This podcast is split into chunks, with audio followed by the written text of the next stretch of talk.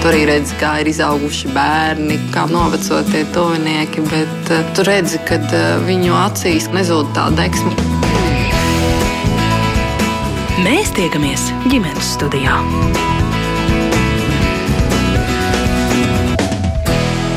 Labdien, klausītāji! Katrs mazulis pēc piedzimšanas noniek, nonāks sava ģimenes ārsta aprūpē. Kurš būs viņa ārstējošais ārsts, par to vecāki parasti vienojas jau pirms bērna nākšanas pasaulē, un māca pasē ir atzīme par to. Tomēr daļa ģimeņu izvēlas mazulim pediatru uzraudzību. Ko var un nevar pamanīt ģimenes ārsts, un vai vecākiem ir pamats satraukumam, ja bērnu veselības aprūpu uzņems tikai ģimenes ārsts? Jautājums noformulējusi raidījuma producents Armīta Kolāta un Raidījuma gaitā tos uzdošu es Mērķis Notiņa, bet vispirms sasveicinos ar studijas viešņām, pediatra asociācijas prezidenta, arī Rīgas Redeņa universitātes rezidentūras studiju fakultātes dekāni Ilzi Gropi. Labdien! Labdien arī Rīgas Redeņa universitātes pediatrijas katedras profesorē, Bērnu kliniskās universitātes slimnīcas bērnu slimību klīnikas vadītājas vietniecei Janai Pavārei. Labdien! Pediatru klīnikas Rabarbers pediatrē Katrīnai Seleckai. Sveiki. Un pat tālrunē mūsu sarunā piedalīsies arī ģimenes ārsta, lauka ģimenes ārsta asociācijas vadītāja Līga Kozlovska. Labdien! Labdien! Labdien, dzirdat mūs lieliski. Jā, bet nu tā kā galvenokārt eh, pārstāvat pediatrus, tātad bērnu ārstus, es gribēju tiešām pajautāt, cik specifiski tas ir ārstēt mazu bērnu, jo es te citu lasīju Ilzas gropas reiz publiski izteiktās pārdomas, un es atļaujos tagad arī pacitēt. Iedomājieties, kas notikt ar jums, ja jūs gada laikā trīskāršotu svaru. Tieši tas notiek ar bērnu pirmajā dzīves gadā. Iedomājieties, ka no nerunājošas personības mazulis jau 2-3 gadu laikā spēja runāt teikumiem, paust savu viedokli un pat piedāvāt risinājumu, un tieši bērnībā cilvēks trīskāršo savu augumu un teji 20 kāršo svaru. Nu, vai šie fakti liecina tiešām, ka bērnu aprūpe ir īpaša? Jā, es gribu teikt, ka tas ir tāds dabas brīnums. Un nepavēlti bērnība ir iedalīta ļoti daudzos periodos, tāpēc ka katrā tādā periodā ir kaut kas ļoti specifisks. Un, ja mēs paskatāmies uz bērnu populāciju, tad bērnība ir apmēram nu, ceturtā daļa no cilvēka mūža, tad no dzimšanas brīža līdz 18 gadiem. Un, Tas nav tā, ka bērns piedzimst un, un, un, un viņš visu laiku ir tāds pats. Ja? Jūs jau ļoti labi citējāt mani iepriekš teikto, bet es gribu teikt, ka bērnības perioda ir tad neonatālais, kurš iedalās tur vēl speciāls ārsts, ir neonatologs. Agrīnā un vēlīnā, tad ir zīdaiņa, tad ir mazbērna, tad ir pirmskolas, tad agrīnais skolas, vēlīnais skolas. Un tur vēl citi iedalījumi par pusauģiem runājot. Ļoti specifisks laiks, un katrā šajā periodā ir savi augšanas pīķi, savas slimības, kas ir varbūt mūsu ģenētiski iekodētas, savas traumas raksturīgas, savas infekcijas slimības raksturīgas. Katra sistēma aug savādāk. Un, uh, tas prasa ļoti, ļoti specifiskas zināšanas. Un, ja mēs paskatāmies uz to laiku, kas būtu ārstam vajadzīgs, ja, tad Eiropā par pediatru pēc pamatstudijām, pēc sešiem gadiem pamatstudijās rekomendē mācīties piecus pilnus gadus, tātad piecas reizes pa 48 nedēļām. Un, uh, Tas vien norāda, ja Latvijā mēs mācāmies četrus gadus, kas ir optimāli, šobrīd arī pietiekami, bet šīs iegūstamās zināšanas ir ļoti, ļoti specifiskas. Mm -hmm. Bet šos mazos bērnus galvenokārt aprūpē Latvijā ģimenes ārsts? Uh, Latvijā visus bērnus aprūpē ģimenes ārsts, tā to ir lēmusi valsts. Un jāsaka, ka mēs šodien šeit esam pulcējušies uh, nejaušināti, jā, bet uh, pilnīgi visas trīs. Kas esam klāt studijā ar pārliecību, ka uh, ir nepieciešama specifiska aprūpe, ir jāatļauj vecākiem izvēlēties. Tātad kāds tad ārsts bērnam ir vajadzīgs? Un tas, laikam, ir tas, par ko mēs šodien arī diskutēsim. Mēs diskutēsim, jā, bet gribam saprast to situāciju, bet nu, ģimenes ārsti nu, taču tomēr arī izglītojas šajos pediatrijas jautājumos vai pietiekami?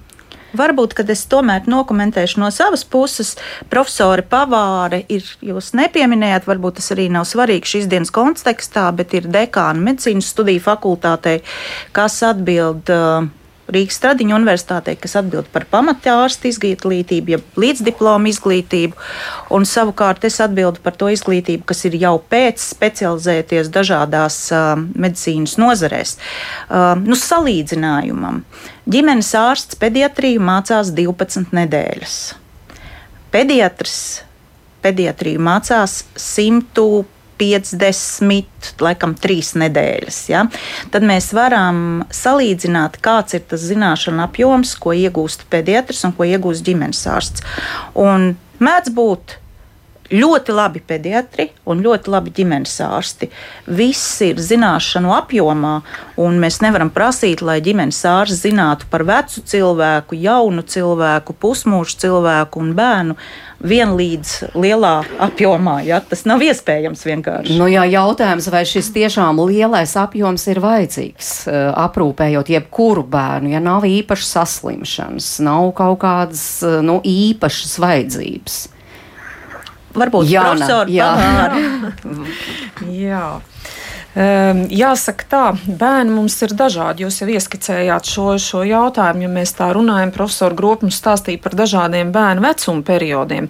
Bet, ja mēs skatāmies bērnu jebkurā vecuma periodā, mums ir veseli bērni, kas ir pilnīgi veseli. Tad ir bērni tādi, kuriem ir kāda akūta saslimšana. Uh, viņi ar viņu tiek galā tāpat kā, kā, kā lielākā daļa vairums cilvēku tiek un labi atvesaļojās. Bet tad mums ir bērniņi, kuriem ir hroniskas saslimšanas, un ir bērni, kuriem ir viena hroniska saslimšana, bet ir bērni arī, kuriem ir vairākas hroniskas saslimšanas, kuras mēs saucam par multimorbīdiem šādiem te foniem. Un vēl mums ir arī bērni, kuriem ir arī kādas speciālas vajadzības. Tās var būt arī sociālas vajadzības un dažādi sociālie foni. Un, eh, protams, izējot no šī, arī rodās daļēji šis te, eh, jautājumu komplicētība, un vai ģimenes ārsts vienmēr ar to spēj tikt galā vai nespēj tikt galā. Jo, protams, bērni ir eh, arī tādi, kuriem ir nepieciešama arī tiešām speciālistu uzraudzība, arī pediatru speciālistu un regulāru uzraudzību, un ir arī tādi, kuri patiešām ir tikai veseli bērni un kur ir nepieciešama regulārā sekošana līdz viņu veselībai un augšanai. Nu, jā, bet es kaut kur lasīju tādus datus, nezinu, cik tie precīzi, ka tomēr šie bērni, par kuriem jūs runājat, nu, kur ir tiešām tās hroniskās saslimšanas un tam līdzīgi, salīdzinoši mazs procents. Nu, to bērnu ir zem 5%. Jā, protams, to mēs nevaram salīdzināt ar pieaugušajiem.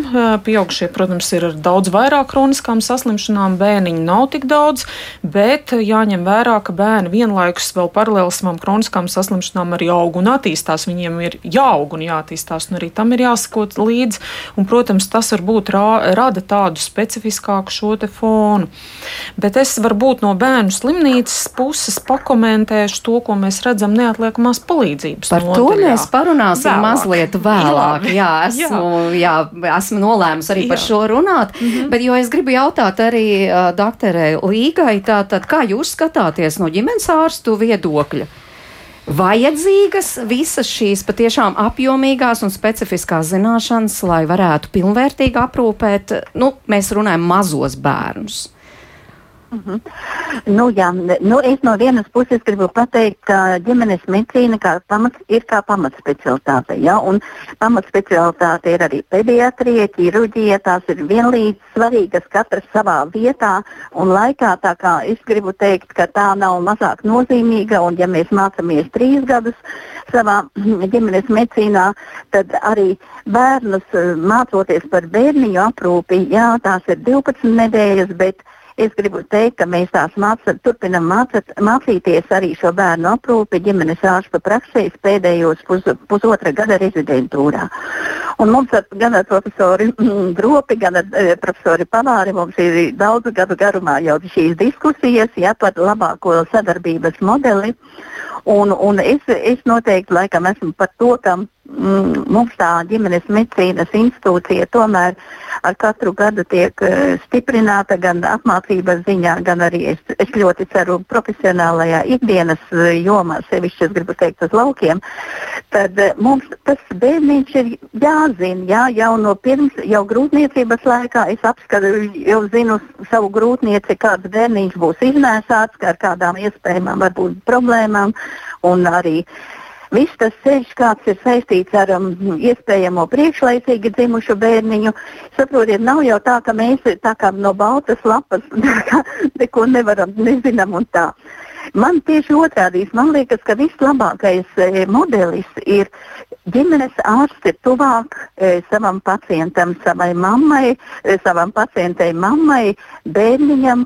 Un es, piemēram, eju patronāžās uz visiem dziļajiem laukiem. Es zinu, kādos apstākļos ma mazie bērni zīdainīši dzīvo, vai jau nav, nav jāpiesaista sociālie dienesti. Un dabiski es, es nebūtu arī normāls ģimenes ārsts, ja es nenovērtējot viņa veselības stāvokli, pēkšņi neiedomātos aizsūtīt, nu, es ļoti ceru, laikā un vietā pie, pie speciālista, pediatra vai, vai pediatra nu, speciālista saistībā ar ļoti konkrētām tur, patoloģijām, tur, piemēram, gastroenteroloģija, reumatoloģija, sirdslimības, nu, visādā ziņā visas tās lietas. Bet dabiski es, es varu teikt, ka viens no labākajiem šiem sadarbības modeļiem, manuprāt, Manuprāt, ir, mm, arī mēs par, esam runājuši ar, ar profesoriem un citiem lieliem speciālistiem pediatrijā. Ir šis, mm, nu, piemēram, reģionālo centru veidošanas modelis, kurā ir pediatrs, vienalga vai viņš ir dežūra pediatrs vai viņš ir uz uh, noteiktām astoņām stundām, piemēram, pieņem. Un viņš man ir palīdzis kā ģimenes ārstam tiešām tādos um, sarežģītākos, komplicētākos gadījumos, kur man vajadzīga pediatra palīdzība. Mm -hmm. Jā, bet tad jo... varētu teikt, caurmērā ģimenes ārsti tiek galā, jo jūs droši vien varat runāt ne tikai par savu praksi, arī par ārstiem, kuri vispār strādā laukos, pārstāvot viņu. Uh, un tā kā tikai atsevišķos gadījumos, tā es no jums dzirdu, kad būtu vajadzīga tā pediatra mm -hmm. iesaist, vai ne?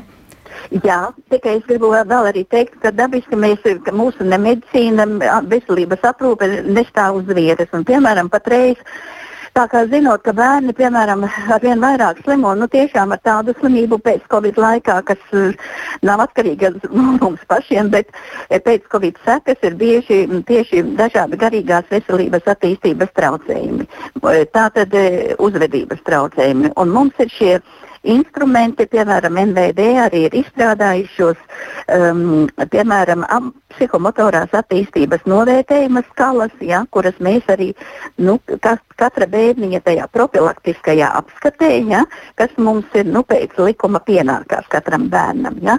Tātad eh, līdz gada vecumam tie tās ir astoņas eh, reizes, tad eh, divas reizes ir parastā, parastos gadījumos līdz diviem gadiem, un pēc tam reizi gadā, nu, teiksim, ja nav nekādu problēmu. Pro, kārtīga profilaktiskā apskate no galvas līdz kājām, dabiski kādēļ es saku par jaunām apmācības metodēm, arī citu speciālistu pieejamību, sarkanā, piemēram, acu refleksa sindroma noteikšana. Jā, mēs varbūt neiedziļināsimies tiešām visās, jo ir četri. Eh, sarunas dalībnieki un mums jānoklausās arī ieraksti. Uh, jā, jā, jo es gribēju dot jā, vārdu arī Katrīnai, un mhm. jūs kā jaunā ārste, jūs tomēr esat izlēmusi nodibināt savu, um, teiksim, praksi un strādāt tieši kā pediatri. Ko saka tie vecāki, kur izvēlas nevis ģimenes ārstu, uh mhm. -huh. bet tieši pediatra pakalpojums. Jā, Kāpēc? mēs, mēs ar kolēģiem beidzām pediatrijas rezidentūru un sapratām, ka mēs labprāt strādātu ambulatori. Un, tad, tad mēs, mums tā skaidrība nāca, ka, ja mēs gribam pieņemt bērniņus ambulatori, tad, diemžēl, tas ir tikai par maksu. Iespējams, es nevaru izvērot savu praksi un pieņemt kā pediatrs par valsts naudu. Un, uh, tas nozīmē, ka es izmācos visus šos gadus, un mans pakalpojums ir principā pieejams tikai cilvēkiem, kas ir gatavi samaksāt par to. Ko mēs redzam uz vietas praksē, kad uh, Pacienti nāk dažādi. Um, ir pacienti, kas nāk tikai pie mums, bet uh, viņiem ar daudz ko ir jārēķinās. Viņiem jārēķinās, ka visi nosūtījumi, visas analīzes, visu, ko mēs gribētu darīt uh, papildus, tas viss ir maksas. Un, un par to mums, protams, pacienti ir jābrīdina. Tas ir tāds liels savā ziņā lēmums. Un ir pacienti, kas nāk paralēli, kas apmeklē gan ģimenes ārstu, gan pediatru, un tad kaut kā tās sistēmas apvieno. Bet, jā, mēs redzam, ka pēc pediatra tas pieprasījums ir liels.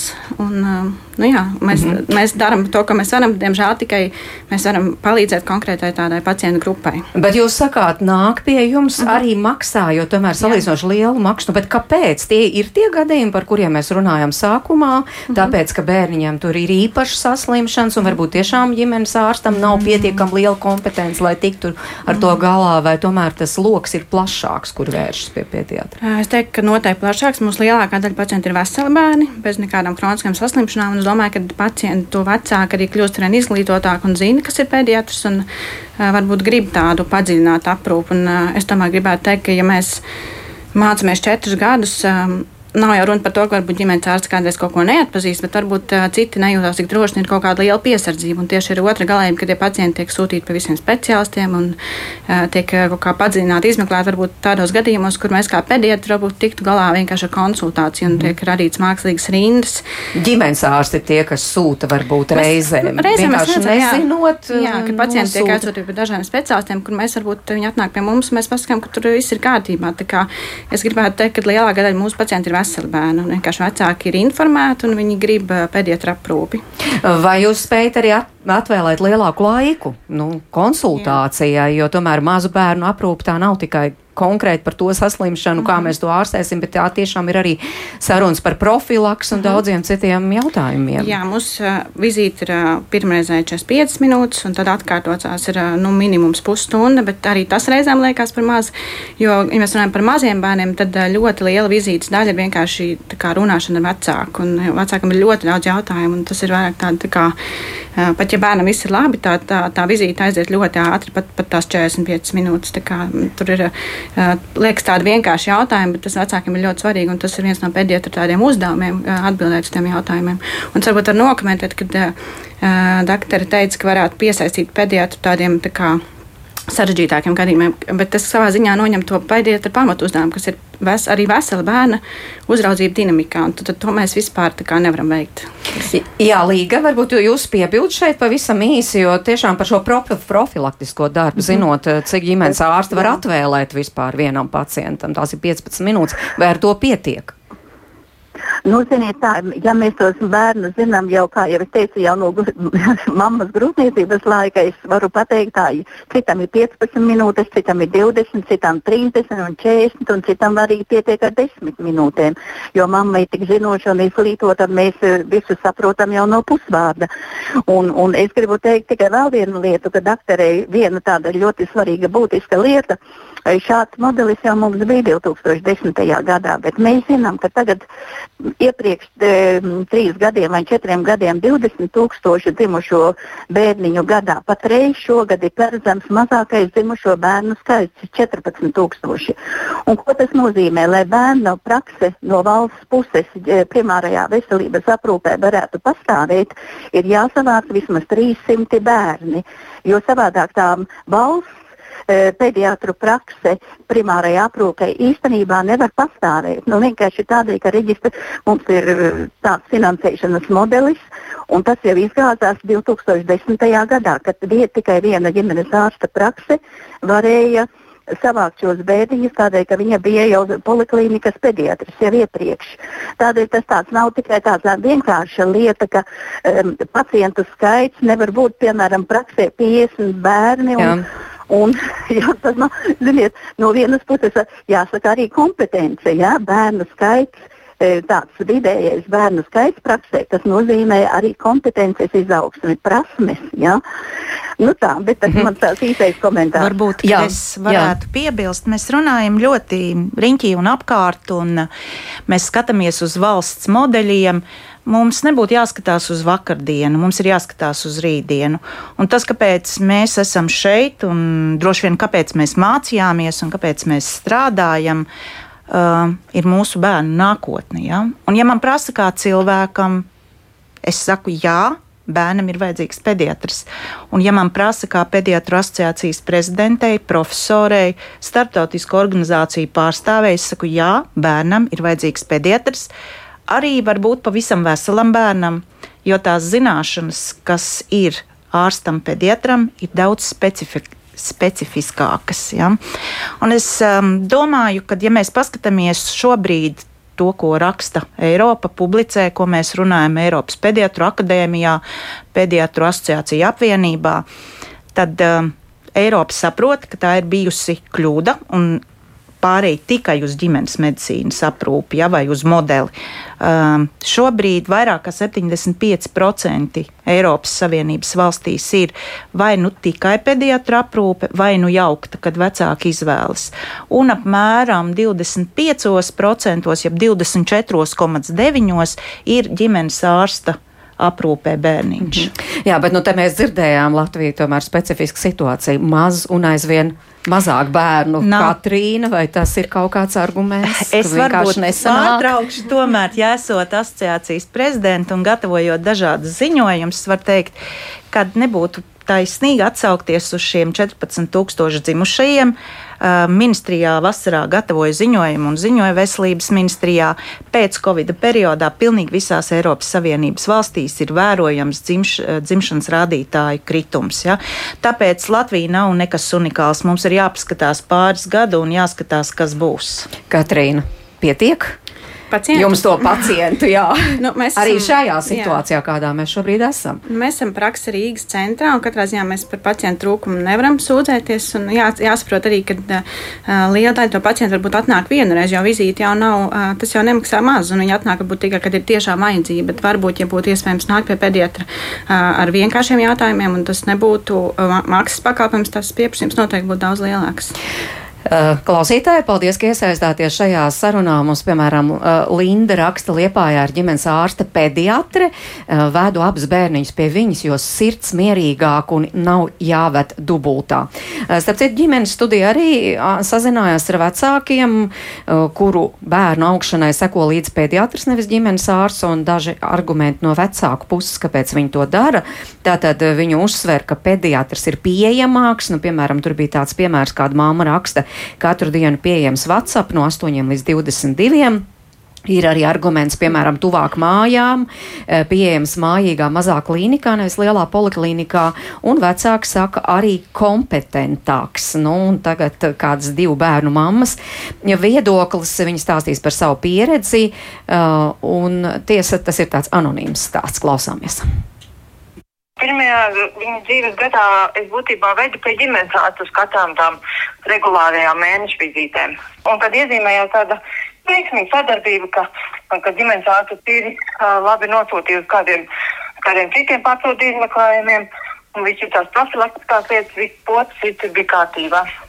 Gāja laiks, un tad notika kaut kāda saaugstēšanās un tādas saslimšanas. Tad es pamazām tajā ģimenes ārsta pieejā sāku saskatīt kaut kādas tādas lietas, kas man likās īsti ne tā, kā vajadzētu. Tā pieeja likās kādreiz tāda vispārīga un sāku aizdomāties, vai gadījumā antibiotikas netiek nozīmēts pa biežu. Nu, tādā veidā. Un arī tās metodas, ko ārsti kādreiz nozīmē, vai tas medikamentu veids, tāds, uh, tā tautā runā 90. gadu metodēs tad viņam liekas tāda mūsdienīgākā pieeja vai tā medikamenta izvēle. Un mūsu pilsētā ir tāda tiešā pediatrijas pieejamības nodaļa, vai kā to tā saukt. Un bija kaut kādi apstākļi, iespējams, ka tas bija Covid laikā, kad ģimenes ārstiem beidzās tās akūtās stundas un tā akūtā pieejamība. Tad es pieteicos kādā no reizēm pie tiem pediatriem. Un, un, un man patika tā pieeja tam doktoriem. Tur viņām tāds slīdošais grafiks, viņi tur mainās. Un, un es tā kā nezināju, pie kā pieteikties, tad vienkārši sanāca, ka pieteicos uz tuvāko pieejamo laiku, un tad man sanāca saskaties ar, ar vairākām tam uh, pediatrēm. Un man patika tā pieeja, un, un viņi tā iedziļinās, un tā to atvesaļošanās kontroli arī bija tāda diezgan bieža. Tā, tā ik pēc divām vai trijām dienām bija jānāk jāatrādās, vai tad pa telefonu bija jāpazvan, jāpastāst, kā tad veicās. Un vispār man tā bērnu vešana pie ārstiem. Beigās tas iegājās diezgan paralēli. Ir bija situācijas, ka es vedu pie ģimenes ārsta un bija arī pie pediatra. Un atkarībā, kurš bērns bija saslims, un, un tad tā atrādīšanās arī veidojās vai nu pie viena vai pie otra. Un, un tā spilgtākā epizode, kas man lika tā kā vairāk izvērtēt, kā rīkoties kaut kādā situācijā, bija, kad um, es vedu meitu, manuprāt, veselu atrādīties pie ģimenes ārsta un arī mazais brālītis tur līdzi. Un, un, un uz tādu meitas paklausīšanos ārsti saklausīja trokšņus, un es biju ļoti izbrīnīta. Man šķiet, ka nu, tas ir pilnīgi jau, jau, jau vīdes, jo es esmu viss kārtībā un nozīmēja inhalācijas, kur medikamenti jāinhalē, un to, ka likās atkal ar, ar, ar smagu arteriju ārstēt it kā, manuprāt, veselu bērnu. Un tieši tajā pēcpusdienā bija vizīte pie pediatra brālīte atrādīt, un, un es, es viņu palūdzu pediatrijā paklausīties arī meitu, un, un, jā, un, un, un bija arī tur rezidenti. Viņi abi apstiprināja, ka īstenībā nav neviena iemesla, lai uzskatītu, ka šāda nozīmēta ārstēšana jāveic. Un tam man izstāstījās, ka es vairāk pie kaut kādām saslimšanām mm, sāku vērsties tikai tajā pēdējā klinikā, bet uh, visas profilaktiskās lietas vai tāda ātrā pieejamība kaut kādās citās situācijās tā paliek pie ģimenes ārsta. Tur viss ir joprojām tā kā kārtībā, bet nu, jau ir konkrēta ārste pediatra, kas jau šeit manas bērns jau pazīst. Ja. Tā ir vienkārši sagadīja, ka tas nav ka tikai tāpēc, ka tas ir ģimenes ārsts, viņi vispārīgi principā kaut kā citādāk uz to skatās. Jo tās saslimšanas nav īpatnējas. Tās ir, nu, pārsvarā man bērns vispār slimos tikai ar iesnām, attiecīgi nevar iet uz dārziņu, un tad jā, jāvēršās pie ārsta, un vienam tur aiziet varbūt uz ausīm, un otram uz bronhītu. Nu, un tad nāks nāksies pie tā ārsta. Nu, tie tomēr mani mazie bērni. Man kad jāskatās, vai, vai tiešām nevaru mm, atrast kaut kur laikmetīgāku pieeju. Nu, tā nav, nav būtībā jā, kas tieši tas ārsts ir, bet, bet drīzāk viņa pieeja un metodas ārstēšanā.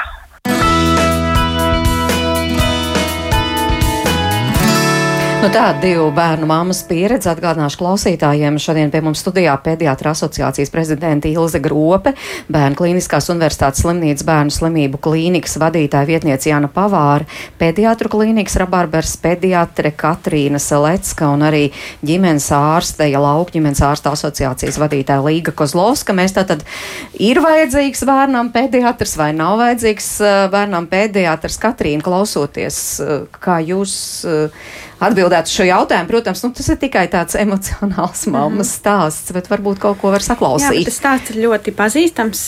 Mēs to ikdienā dzirdam šo stāstu, kad varbūt nav kaut kāda uzticība tam savam ģimenes ārstam. Kā jau teicu, ne jau vienmēr kaut kas tiek palaists garām vai kaut kāds briesmīgs kļūdas, varbūt tieši kaut kāda nevajadzīga piesardzība.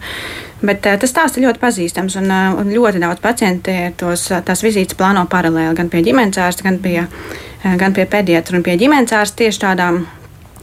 Tieši kā, mā, kā mā, māte teica, ka tikai tādām profilaktiskām lietām vai nosūtījumiem, vai, vai jo piemēram, kā pediatrs, sēžot savā praksē, nevaru iedot nosūtījumu uz valsts apmaksātu kaut vai asins analīzi. Un, un dažiem vecākiem tas ir svarīgi, ka tomēr maksas pakalpojumi tie nav, tie nav, tie nav lēti. Tā kā jā, tas, tas stāsts bija ļoti, ļoti pazīstams. Nu jā, te mums arī klausoties, kā ģimenes ārsta raksta, ģimenes ārstiem zināšanas pediatrijā ir regulāri jāatjauno. Zinu kolēģus pārsvarā gados, kuri principā šos seminārus neapmeklē un kāpēc viņiem ir iespējams tā arī rīkoties un turpināt darbu un saņemt lielākas kapitācijas naudas tieši par mazuļiem līgā. Ko jūs no, no ģimenes ārstu viedokļa šeit papildinātu? Ziniet, es gan gribētu teikt vēl vienu lietu, ka tieši varbūt arī vecākie seniori ģimenes ārsti lielākā daļā ir, viņiem ir divi certifikāti, gan ģimenes ārsta certifikāts, gan arī pediatra certifikāts. Un, un vismaz, vismaz tos kolēģus, kas man apkārt ir, es varu pateikt, ka viņi mācās kā mazie rūtīši. Jo, Nu, tas ne jau tas, ka viņam tā kapitācijas nauda par piedošanu 1,2 vai 1,3% ir lielāka bērnu zīdaiņa apskatot. Ja? Ne jau par to ir runa, te ir runa par to, ka tas, tas viņiem patīk. Viņi bija agrākos laikos pediatri, viņi pārmācījās par ģimenes ārstiem. Pie viņiem tagad iet arī mammas, tēti, vecmammas, vectēvi. Nu, Viņi strādā kā īsti ģimenes ārsti pēc būtības, un vēl plus viņi pieliek sava īpašo vēl zināšanu un izsirdi un izjūtas uh, aprūpējot bērniņu. Un tādēļ es īstenībā gribu teikt tā, ka ir, kā jau iepriekš arī profesore Grope teica, mums ir, ir gan, diemžēl, gan dažādi e, ģimenes ārsti, gan dažādi arī pediatri. Ja? Un, un, un, pacien, un mūsu valstī likumdošanā ir pateikts, ka pacients ir tas, kas izvēlās savu, uh, savu ģimenes ārstu, savu ārstu, speciālistu, to, ko, pie kura grib viņš iet. Un šī gadījumā, lai nebūtu tāda, tāda disonance, ka pie nu, pre, maksas pediatra būtu jāmaksā, Pirmkārt, Latvijā pediatrs ir tiešās pieejamības speciālists. Tas nozīmē, pie visiem pediatriem, kuriem ir līgums ar valsti, katrs pacients var aiziet, un viņam tātad samaksā valsts šo, pie tam nevis ģimenes ārsta e, samaksu, bet pediatra sekundārā speciālista konsultācijas samaksu. Un, un es, es vienkārši domāju, ka mums ir ļoti daudz viena no otra jāmācās, un mums ir, nu, kā sakot, jāsaka, jāveido varbūt tas organizācijas sadarbības modelis no valstiskā līmenī labāks. Bet es, piemēram, domāju, ka es, es nevaru iedomāties, ka es savus zīdaiņus vai bērniņus tagad ar, ar nu, ikdienas lietām, ar ikdienas kārtīgu labu profilaksi sūtīšu pie pediatra, kur viņam būs jāstāv rindā vai jāiet uz uzņemšanas nodaļu pie, pie pediatra. Saprotiet, nu, šī jau ir mans man dzīvesveids kā profesionālim, un es domāju, ka arī vecāki ļoti daudzi to saprot un, un jūt un, un, un nāk un tādēļ. Jā, es, es, es, mm. jā visādā ziņā es gribēju tikai, varbūt nav daudz laika, gribēju pateikt, ka rītdien ir saimām E, e, sabiedrības veselības apakškomisijas sēde, kurā, kurā tieši tiks skatīts šodienas jūsu jautājums. Jā, bērna mātes veselības aprūpes plāna projekts 2024. un 2027. gadam. Jā, un paldies. Šie jautājumi būs. Jā, tiešām pēc tam arī vētīsim, tiešām kā jums būs izdevies, jo Līga Kozlovski ir arī saimnes deputāti, kā zināms, bet uh, klausītāji, ja mums raksta izvēles starp ģimenes ārstu vai pediatra apmeklējumu, svarīgu lomu spēlē pieejamība. Pēc Covid laika rindas pie ģimenes ārsta bieži ir tik garas, ka esam meklējuši pediatra konsultāciju, kas vietējā slimnīcā pieejama ātrāk un tomēr lauku reģionos ģimenes ārsts ir tuvāk. Daudziem izbraukšana ar sabiedrisko transportu kaut uz tuvāko lielo pilsētu ir vesels darbdienas jautājums. Bet starp citu, jā, arī mamma, kur stāstīja, viņa, viņa tas pediatrs, tas ir bezmaksas pakalpojums, jā, jo tiešām, un tas arī ir ārpus Rīgas. Māma dzīvo ārpus Rīgas, un, un tagad ir no. Nu. arī tā, ka, jā, ka šīs veidojas tāda pediatru konsultācija punkti tieši slimnīcās, vai ne? Uh -huh. Jā, e, es varbūt papildināšu un pamatošu ar skaitļiem. Un nedaudz pārfrāzējot mamīti, kur e, mums ierakstā runāja par laikmetīgāku pieeju, tad pastāstīšu, ko mēs redzam bērnu slimnīcā. Bērnu slimnīcā ir tiešās piemības pediatri. Šādi pat tiešās piemības pediatri ir arī e, dažās reģionālajās slimnīcās. Un acīm redzot, arī rakstītāji kaut kur ir devušies pie šāda tiešās piemības pediatra. Nu, lūk, un skaitļi ir tie, kuri mums neļauj nekad samelot. Bērnu slimnīca, ņemot vērā to, kā, kāda situācija ir veselības aprūpē un kāda ir eh, pediatru pieejamība, ir intensificējuši šo tiešās pieejamības pediatru uh, pieņemšanas stundas. Uh, pašreiz jau mums strādā divi pediatri, kuri pieņem šos bērniņus kā tiešās pieejamības pediatrus, pediatri, kuriem ir nepieciešama palīdzība kādas akūtas situācijas dēļ. Nu, lūk, un tad šai, šī gada laikā no janvāra līdz 30. septembrim bērnu slimnīcā ir bijušas desmit tūkstoši vizītes pie tiešās piemības pediatra. Es domāju, tas ir ļoti skaidrs uh, skaitlis, kurš mums liecina par to, ka pediatrija mums noteikti ir ir tā nozara, kur mums ir nepieciešama kāda, kāda, kāda pilnveidojuma un uzlabojuma. Nu, bet jūs uh, skatāties līdzi, kāpēc, kāpēc vecāki tomēr vēršas, tāpēc, ka, kā mēs runājam, te ir slikti ar to pieejamību, ilgi jāgaida, vai tiešām neuztic ārstu, ģimenes ārstu kompetencei, vai mhm. kas mm -hmm. Jā, pa iemesliem. Mēs esam arī aptaujājuši vecākus, uh, kādu, kādu daļu no vecākiem, kur ierodās pie mums bērnu slimnīcā pie šiem tiešās pieejamības pediatriem, vai kuri pēc mūsu šķirošanas protokola tiek tiek klasificēti kā viegli. Tas nozīmē, ka viņi ir tādā, viņu klīniskais eh, veselības stāvoklis ir tāds, ka viņam nav nepieciešama akūta palīdzība un stacionēšana. Un to, ko mēs esam eh, noskaidrojuši šajās, eh, šajās aptaujās, ka patiesībā šos it kā klīniski viegli slimos bērnus, kuri, kur, kurus var ārstēt ambulatori, 40% gadījumu ģimenes ārsti ir konsultējuši un darba laikā sūta pie mums uz bērnu slimnīcu. Tā ir viena lieta, un otra lieta ir arī, ka pacienti konsultējās ar ģimenes ārstu, bet tomēr pēc šīs konsultācijas 78% no viņiem, tad, kad ir vakars, tad, kad ir nakts, viņi paliek bažīgi un tomēr uztraucās un nav pārliecināti par to informāciju, ko viņi ir saņēmuši, un dodas uz bērnu slimnīcu, lai meklētu palīdzību. Un viss tā rezultātā, protams, bērnu slimnīca arī analizē šo mm, stāvokli un situāciju, un, kā es teicu, ir šis te tiešās piemības dienests ir papildināts. Mums jau ir divi pēdiatri, kuri tagad pieņem kā tiešās piemības pēdiatri, un tūlīt Paralēli mums ir arī iespējams telefona konsultācijas mamām, kuras tātad ir bažīgas. Viņas var piezvanīt un saņemt šo telefonu konsultāciju 8 stundu laikā. Un e, tūlīt jau burtiski tuvākajās dienās tiks atvērts arī e-pieraksts, tātad caur pacientu portālu.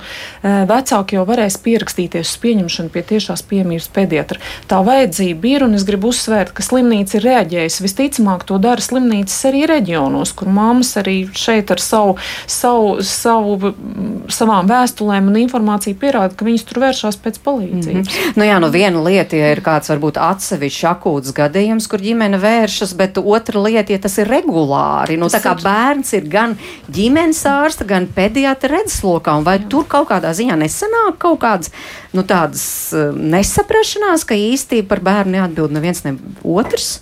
Es nezinu, Katrīna, kā ir. Es gribētu cerēt, ka, ja pēdējā atnāk pacients, viņš atbild par, par bērnu. Um, bet uh, jā, tā situācija ir, ir jocīga. Protams, ka, ka bērnu uzrauga divi, un tad reizēm mā, māmas nāk un stāsta vienu, man ir kaut kā jāopanē un jāpasaka, kāpēc es domāju tā. Un, uh, un, uh, Protams, ka katra ārstniecības iestādes apmeklējums jau arī nav nekas vienkāršs. Vai bērnam tiešām veselam bērnam vienkārši uz tādu ikdienas apskatu jāiet uz divām ārstniecības iestādēm, tas, tas ir jocīgi. Un, un, kā, kā profesors teica, tas pieprasījums ir milzīgs. Un, un žēl, ka mēs nevaram to apmierināt kaut kā. Mm. Man liekas, ka Jā, ļoti žēl, ka um, mūsu pašu, jo mēs esam šīs valsts vadītāji, katrs mēs kā cilvēks, mēs rakstam likumus, pārstāvam dažādas organizācijas, bet mēs nevaram nonākt pie uh, vienošanās, kura būtu ērta mūsu pacientiem. Um, Jā, šobrīd esošā likumdošana saka, ka ir jābūt 300 pacientiem. Nu, varbūt to likumdošanu vajag mainīt. Ja? Varbūt mums jāskatās gluži citā virzienā, mums jāskatās, kas nāk par labu mūsu pacientiem. Un es domāju, ka tas. Uh, Nu, es uh, gribu teikt, ka ap 40% uh, jauktais modelis ja, Eiropas Savienības valstīs tieši tāpēc ir radīts, kad ir vecāki, kas grib izvēlēties pediatru, ir vecāki, kas grib izvēlēties ģimenes ārstu. Un tās ir mūsu kā pilsoņu mm -hmm. tiesības izvēlēties. Jā, bet es tikai domāju, vai neveidos ar kaut kādu sarežģītību, tomēr, ka, kā jūs sakāt, to pirmo vissvarīgāko dzīves posmu uzrauga pediatrs, nu, un tālāk pārņem to stafeti, varbūt kaut kad vēlāk ģimenes ārsts, un tad kāda ir tā pēctecība, vai tiešām tā nu, lieta, es tagad saku, pēdiņās tiek mm. nodota no viena ārsta bet, otram. Domāju, ka jā, kāpēc lai netiktu nodota, bet padomāsim, varbūt par pašu to modeli, kas ir pasaulē pieņemts, ja, ka, cik bieži bērnu skatās. Pirmajā dzīves gadā, pirmajā mēnesī jāskatās kādas 5, 7 dienas. Nu, principā, kad bērniņš atnāk no dzemdību iestādes, tad ap 20, 22 dienu, tad mēnešu vecumā, tad līdz 6 mēnešiem katru mēnesi, tādi pēc tam katru otro mēnesi, pēc tam līdz pēc gada mēs skatāmies divreiz pusgadā, nu tad es atvainojos divreiz gadā, vienreiz pusgadā, pēc tam vienreiz gadā. Uh, pasen, nu, noteikti kādus gadus septiņus atpakaļ bija aptauja vienā no lieliem pasākumiem kopā ar māmiņu klubu, un tādā aptaujājot, cik uh, mātes jautājot, cik bieži jūsu bērnu ir redzējis ģimenes ārsts tad, kad viņš ir vesels. 70% atbildēja nekad. Eh, vai jums tas neliekas šausmīgi? Jo ārsta uzdevums ir ja mēs runājam par bērnu, ir nevis ārstēt, bet nodarboties ar profilaksti. Vadīt vecākus un bērnus tā, lai tas bērns nenonāktu līdz slimībai. Jā, jā ne, gribējāt piebilst. es gribēju papildināt, tas sasaucās arī ar, ar Katrīnas teikto un profesoru gropu. Dažas nedēļas apkaļ šeit ģimenes studijā viesojās arī mani kolēģi un ģimenes ārsts no Olēnas. Un, uh, viņi ļoti skaisti stāstīja, kā pirmā vizīte pie tikko dzimuša bērniņa viņas, viņas praksē ilgst kā minimums 45 minūtes, uh, jo viņi izstāsta izklāsta visu, protams, kas, kas attiecās uz bērnu augšanu, attīstību un tā tālāk, bet viņi arī izstāsta, ko darīt, ja bērniņš ir akūti slims un kā rīkoties. Un, protams, tad, kad ģimenes ārstam ir laiks un, un, un pacients tiek šādi te jau iepazīstināts, un tas ir arī tas, cik ilgst vizīte, piemēram, privātā klīnikā, ja, noteikti, ka māmiņa ir daudz mierīgāka, viņa reaģē pragmatiskāk tad, kad tas bērniņš patiešām arī saslimst. Un tad nav tā, ka ir jāmeklē, kur tad pēkšņi man to palīdzību tādu meklēt. Ir vēls vakars, un vai vispār tā, viņam ir kādas tādas pazīmes, par kurām ir jāuztraucās, bet varbūt es mierīgi varu sagaidīt rītu un tad sazināties ar savu ģimenes mm. ārstu. Un es domāju, ka tas laiks, ko mēs veltam, viens ir veselības problēma ārstēšanai, bet otrs ir pirms tam izglītošanai, šai veselības pratībai. Tai arī ir liela nozīme. Agata mums raksta, dzīvoja mazpilsētā, divi bērni, vedu viņus pie ģimenes ārsta, bet ja es jūtu, ka ģimenes ārsts netiek galā vai izraksta standartu lietas situācijā, kad jūtu tas nedarbojas, es uh, vedu pie vietējās slimnīcas pediatra, kam uzticos vairāk, un vēl mums ir Rīgas maksas pediatrs, kurš reiz gadā man konsultē un uzzīmē augšanas līknes, apstiprina vai palīdz atrast virzienu, kurā iet ar savu bērnu, un es uzticos mātes intuīcijā bērnu jautājumos pocis viss veicam pie ģimenes ārsta. Kārtējais piemērs, vai ne? Jā, Katrīna? nu, vai tā būtu jābūt, ka tādam veselam bērnam ir mm. trīs ārsti? Tas arī liekas jocīgi. Viņus, viņi ved pie trīs speciālistiem. Es domāju, ka es gribu, esmu pilnīgi pārliecināta, ka ja bērni būtu lielākoties pediatra aprūpē, nebūtu tādas situācijas. Eh, ģimenes studija uzklausīja arī uh, Nacionālā veselības dienesta Rīgas nodaļas vadītāju Renāti Neimani, jo, kā mēs dzirdam, tomēr vecāku pieprasījums pēc pediatra pakalpojuma ir pietiekami liels. Kāda ir pieejamība? Nu, te gan vairāk būs stāsts par Rīgu. Klausāmies! Nu, principā mums bērns apkalpo ģimenes ārsta institūcija. Paši pirmsākuma ģimenes ārsta institūcijā bija pārapmācības kursi, un līdz ar to tos izgāja gan bijušie pediatri, gan bijušie terapeiti. Nu, terapeiti nav tik droši bērnu aprūpē, varbūt tas tagad tā arī izpaužās. Bet es gribētu pateikt, ka mums ģimenes ārsti tomēr tagad redz rezidentūru un viņi ir pietiekuši izglītoti. Un tie jaunie cilvēki, kas mums nāk, viņi labprāt uzņemās bērnu aprūpi un, un, un diezgan labi arī to veids. Es gribētu pateikt, ka mums šogad ir bijusi tāda mm, dinamiska ārstu prakšu nomaiņa sakarā ar pensionēšanos, kad vecās paudzes ārsti nodod savas prakses jaunajiem kolēģiem. Mums šogad bijuši tādas 13 prakses, un no 24. gada vēl jau noslēgtas uz 1. janvāri 5 vienošanās. Tā kā ienāk jauni spēki, un, un cerēsim, ka tā bērnu aprūpe būs nu, tāda uh, vieglāka varbūt no jauno ārstu puses. Bet uz šo brīdi arī mums ir iespējams pediatru konsultācijas. Nu, es runāšu par Rīgu. Protams, ka tā ir bērnu kliniskā universitātes slimnīca. Abās novietnēs, gan vienības gatavē, gan Jūglas ielā, ir pieejami pediatri. Viņi, protams, ir pēc iepriekšējā pieraksta bet ir iespējams saņemt pediatru konsultācijas. Pie tam um, mazajā gājazarā tur notiek arī sestdienās un svētdienās un katru dienu no 8 līdz 22. Tas ir laiks, kurā vecāki ar bērniem var griezties dažādos viņu uztraucošos jautājumos, nu, galvenokārt, protams, slimību gadījumos. Vēl bez slimnīcas Rīgā ir pediatru konsultācijas poliklinikā dzīvniecība un Rīgas pirmajā slimnīcā un vēl mums ir Nacionālā rehabilitācijas centrā Vaivari. Pēc šīm visām konsultācijām Rīgā ir arī dežūrāsta palīdzība, tas ir ārpus ģimenes ārsta darba laika, tas ir katras darba dienas pēcpusdienas no 3 līdz 9 un sēdienas. Mums kopumā dežūrārsti strādā 12 adresēs Rīgā, 7 no viņām ir nodrošināti eh, bērnu veselības aprūpas pakalpojumi. Bet, protams, to sniedz gan pediatri, gan, gan ģimenes ārsti. Nu, jāsaka, ka pediatra trūkums izpaužās arī mūsu sistēmā, tādā veidā, ka mums ir grūtības izveidot dežūrārsta mm, tieši pediatra palīdzību. Mēs bijām spiest arī slēgt divas mm, dežūrārsta mm, vietas Rīgā centrā, pulsā 5 un vecmilgrāvī primārās aprūpas centrā tieši kadru trūkumu dēļ. Bet tad skatoties uz priekšu, vajadzētu vairāk pediatru domājot par bērnu ambulatoru aprūpi. Nu, Rīgā ir padomā veidot varbūt paplašināt vai arī nostiprināt finansējumu ziņā pediatra kabinetus kur dažādi jautājumu gadījumā tad vecāki ar bērniem varētu griezties. Arī tagad ir konsultācijas, bet nu, varbūt mums tas ir jāstiprina un, un, un jāveido mazliet finansiāli stiprāki šie kabineti. Nu, vienīgais tas ir kādas trūkums, jā, pediatru mums pietrūkst. Nu, mums bija kādreiz, desmit gadu laikam atpakaļ šīs eksperiments, kad mēs izveidojām tīrās pediatra prakses, tā saucamās, jā, nevis kā ģimenes ārsts prakses, bet kur bija reģistrēti primārajā aprūpē bērni tikai pie pediatriem. Bet toreiz tas negula plašu uh, atbalstu. Uh, bērni nepārreģistrējās no ģimenes ārsta praksēm tieši uz pediatra praksēm. Tas negāja plašumā, un līdz ar to tas bija viens periods, kurā tas tika izmēģināts un tas tika arī noslēgts. Patreiz ir tādas septiņas pediatru prakses, kur tātad reģistrētie pacienti ir tikai bērni šajās praksēs.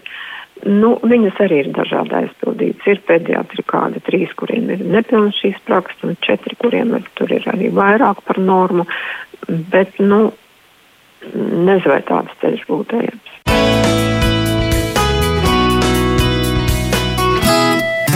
Renāta Nēma no Nacionālā veselības dienesta vairāk stāstīja par Rīgu, bet Līga faktiski jūs arī redzat, ka arī uh, pārējā Latvijā tieši šāds ceļš būtu ejams uh, ģimenes ārsti, kuri visu laiku tiek izglītoti un pārizglītoti un mācās visdažādākās jomas, tā skaitā arī pediatriju, un plus pediatrs šādā centrā, kā, kā tāds palīgs īpašos gadījumos. Kā konsultants. Kā jā. konsultants, jā. jā.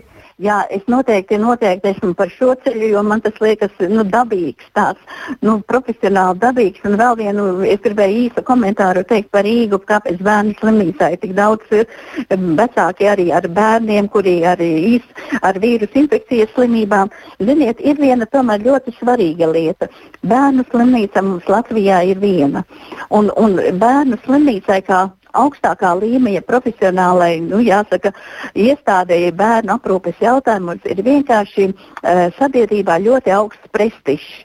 Un, un tad, kad māte ar te, bērnu aiziet uz bērnu slimnīcu, viņiem liekas, ka vi, varbūt teiksim, to pašu vīrusu infekciju izārstēs vai ārstēs labāk vai savādāk. Nu, noteikti savādāk varbūt arī ir. Bet, bet redziet, tur ir viens jauns mums arī ar profesoru Gropu, es gribu teikt, ar mūsu RSU rezidentūru, rezidentūras visu, jāsaka, fakultāti ir viens jauns, es domāju, tāds um, jauninājums, kas, kas varētu atvieglot tieši bērnu slimnīcas bērnu aprūpi. Ir, piemēram, rezidentūrā divi, divi pediatri, kas iet tagad ģimenes medicīnas rezidentūras studijas. Un viņas nu, ir gatavas vismaz pagaidām veidot savas nākotnes ģimenes ārsta prakses bērnu slimnīcas uh, ietvarā. Tas nozīmē, ka tur arī tās mammas, kas tur būs ļoti apmierinātas ar šīm mm, ģimenes ārstiem, tātad varēs arī savus bērniņus tālāk turpināt vest kā pie ģimenes ārsta un tāpat arī pieregistrēties Jā. pašas ja, ja viņām tas patiksies. Paldies, jo mums vēl jādod vēl tas noslēguma vārds vēl pārējām viešņām. Katrīna, kā jūs redzat nākotni, kā jaunā ārsta un kā pediatrs, kuram ir savu praksi? Nu, man neapmierina tas. tas um, uzstādījums kā pediatrs, kā konsultants. Jo, jo es kā pediatrs tomēr es uzskatu, tas mans pamatu uzdevums ir uzraudzīt to bērnu, viņu redzēt regulāri. Kā profesors teica, profilaks, izglītošana, tas viss, es to izjūtu, ka tas ir mans pienākums. Un, ja es tiek piesaistīts kā tāds konsultants uz tādiem ārkārtas gadījumiem, es to bērnu satieku vienu, varbūt pāris reizes. Tas, tas, man liekas, ka tas nav tas, ar ko pediatram būtu jānodarbojas tikai ar to. Nu, bet kā varētu nodrošināt, lai tomēr pediatru būtu vairāk, piemēram, jo tas arī tomēr ir, kā mēs dzirdējām jauno speciālistu trūkums, kuri vēlētos vispār uh, šajā Tam, profesijā strādāt. Jā, es gribētu Jā. piebilst un teikt, ka tā nebūs taisnība, nav trūkums. Ir pietiekami daudz mūsu augstskolas absolventu, un es pieļauju arī Latvijas universitātes absolventu, kas ir pediatri un grib strādāt tieši primārajā aprūpē. Un um, nesamelosimies, vairāk kā desmit gadus kopā ar profesoru Pavāru esam bijuši gan saimā, gan veselības ministrijā, tikušies ar visu strīpu veselības ministriem, kas ir bijuši kopā ar Katrīnu, piedalījušies uh, diskusijās veselības ministrijā. Man kā ārstam un kā cilvēkam nav saprotams. Kāpēc nevar? Un es tiešām to nesaprotu. Ja pacienti grib un ir ārsti, kas grib to darīt, ja ir traucējoša likumdošana, viņa ir jāmaina. Bet kas jāmaina? Mums ir burtiski divas minūtes. Nu, kas jāmaina? Es tad? Eh, nesaprotu, kas ir jāmaina. Jūs saprotiet, mēs mēģinām desmit gadus saprast, ko darīt, lai mēs varētu kaut ko mainīt.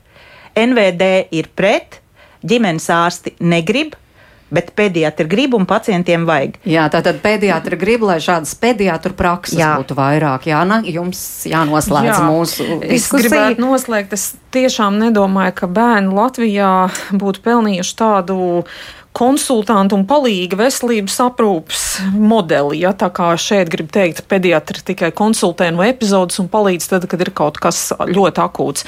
Es domāju, ka rūpēm par mūsu bērniem Latvijā ir jābūt visaptverošiem, ir jāsako līdzi, kā bērniņi aug, kā viņi attīstās un ir jābūt gataviem arī palīdzēt tad, kad viņi slimo. Bet uh, to var nodrošināt tikai esot kopā ar bērnu kopš viņa dzimšanas brīža, nu, līdz pat tam brīdim, kad viņš kļūst pieaudzis. Skatīsimies, kā būs turpmāk. Un vēl kāda mamma sūta paldies Bērnu Kliniskajai universitātes slimnīcai, ka izcili darāt savu darbu un darāt to arī citu, tā skaitā ģimenes ārstu vietā. Paldies mūsu sarunas dalībniecei Ilzai Gropei, Janai Pavārai, Katrīnai Seleckai un Līgai Kozlovskai, raidījuma producents Armīta Kolāta, Katrīna Bramberga pie skaņu pulces Mārits Notiņa pie mikrofona. Tiekamies rīt 5 minūtes pār diviem. Runāsim, kā mākslīgais intelekts var palīdzēt bērnu audzināšanā, kādi ir riski un kādi kādas iespējas. Tiekamies rīt un paldies, ka klausījāties. Visu labu!